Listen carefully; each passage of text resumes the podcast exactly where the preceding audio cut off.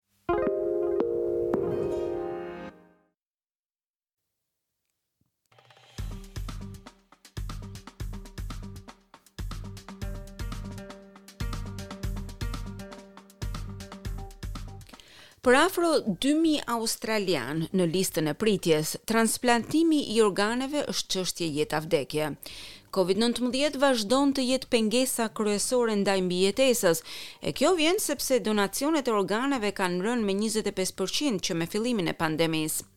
Donate Life po përpiqet ta zgjidhë këtë problem dhe inkurajon australianët që të regjistrohen si dhurues organesh.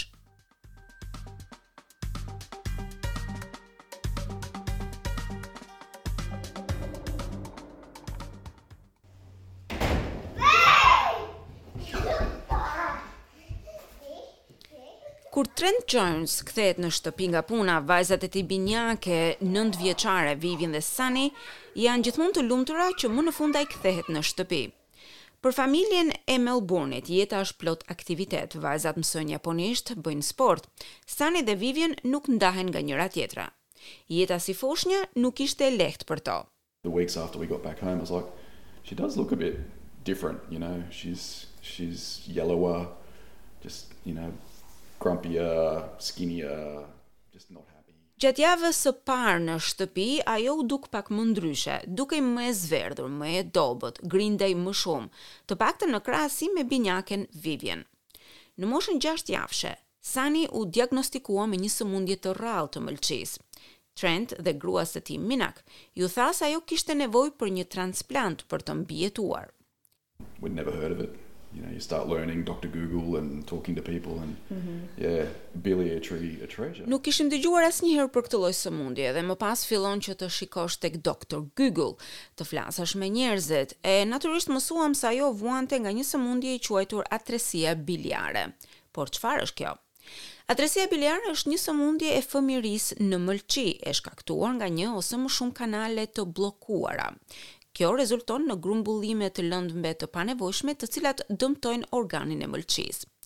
Është arsyeja më e zakonshme për transplantet e mëlçisë tek fëmijët në Australi dhe ishte kjo arsyeja që e bëri Sanin që të merrte transplantin e saj të parë në moshën vetëm dy vjeçare. Por jo shumë kohë më vonë transplanti dështoi dhe Sani u rikthye në listën e pritjes. The first time around something where there was time to maybe manage it and we'll find the exact perfect moment, the exact perfect donor and and and line up all the ducks. Herën e parë menduam se kishim kohë që ta menaxhonim, të gjenim momentin e saktë, momentin e përsosur, dhuruesin e saktë e të përsosur, por ky nuk ishte opsioni i duhur. Tre javë përpara ditëlindjes së saj të tretë, u hap mundësia e duhur.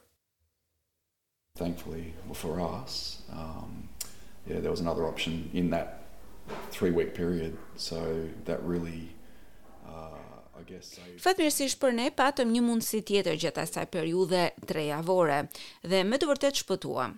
E kjo tani mbetet një histori suksesi për Sanin, e cila vazhdon të jetë në listën e pritjes për një transplant. Mungesa e stafit, një numër i lartë i pacientëve me Covid nëntëmbëdhjetë kanë prekur të gjithë sektorët e kujdesit shëndetësor.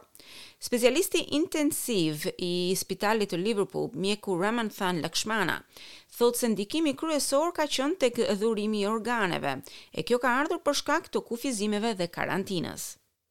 And with organ donation we need teams from across the state and interstate as well to come and help with the process.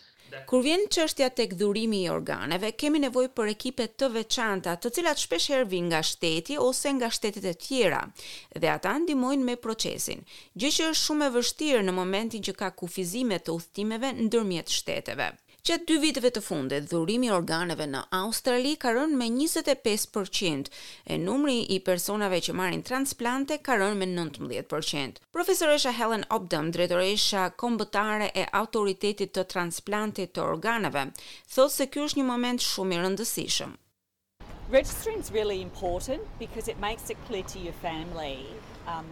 Nëse dëshiron të japësh organe, atëherë duhet të regjistrohesh. Kjo e bën shumë të qartë edhe për familjen se çfarë vendimi keni marrë me trupin tuaj. E për t'u bërë dhurues, një person duhet që të humbë jetën në spital, zakonisht në ventilator. Vetëm dy për qind e personave që janë në spital i plotësojnë këto kushte. We're all more likely to need an organ transplant than we are ever to be a donor. So it's really important if we want access to. Një person ka më shumë gjasa që të ketë nevojë për transplant sesa të bëhet dhurues organesh. Pra ka shumë rëndësi që nëse duam që të kemi transplante, atëherë natyrisht që dhe duhet të dhurojmë. Të kesh një person të afërt në listën e pritjes për transplant të organeve është një ndjenjë e njohur për njëzet e një vjeçarin Ikram Ahmed. Vëllai i tij i vogël vuan nga veshkat dhe iu desh të priste katër vite përpara se të merrte transplantin që i ndryshoi jetën.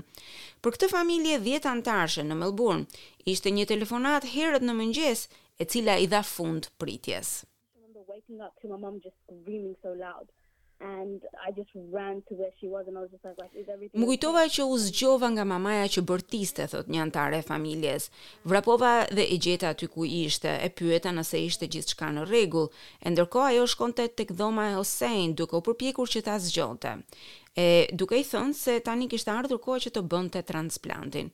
Ishte momenti më i lumtur i jetës sonë. E për këtë arsye Ikram tani është dhurues organesh. Si ky rast ka edhe dy mijë australianë të tjerë. Donate Life po përpiqet që të regjistrojë njëqind mijë australianë, të cilët duhet të bëhen dhurues organesh. Për Trent dhe Ikram, ky ishte dhe momenti i cili i ka ndryshuar jetën. Të regjistrohesh si dhurues organesh do thotë t'i ndryshosh jetën dikujt. Ishte ky person që dhuroi organet e tij që i ndryshoi jetën vëllait tim.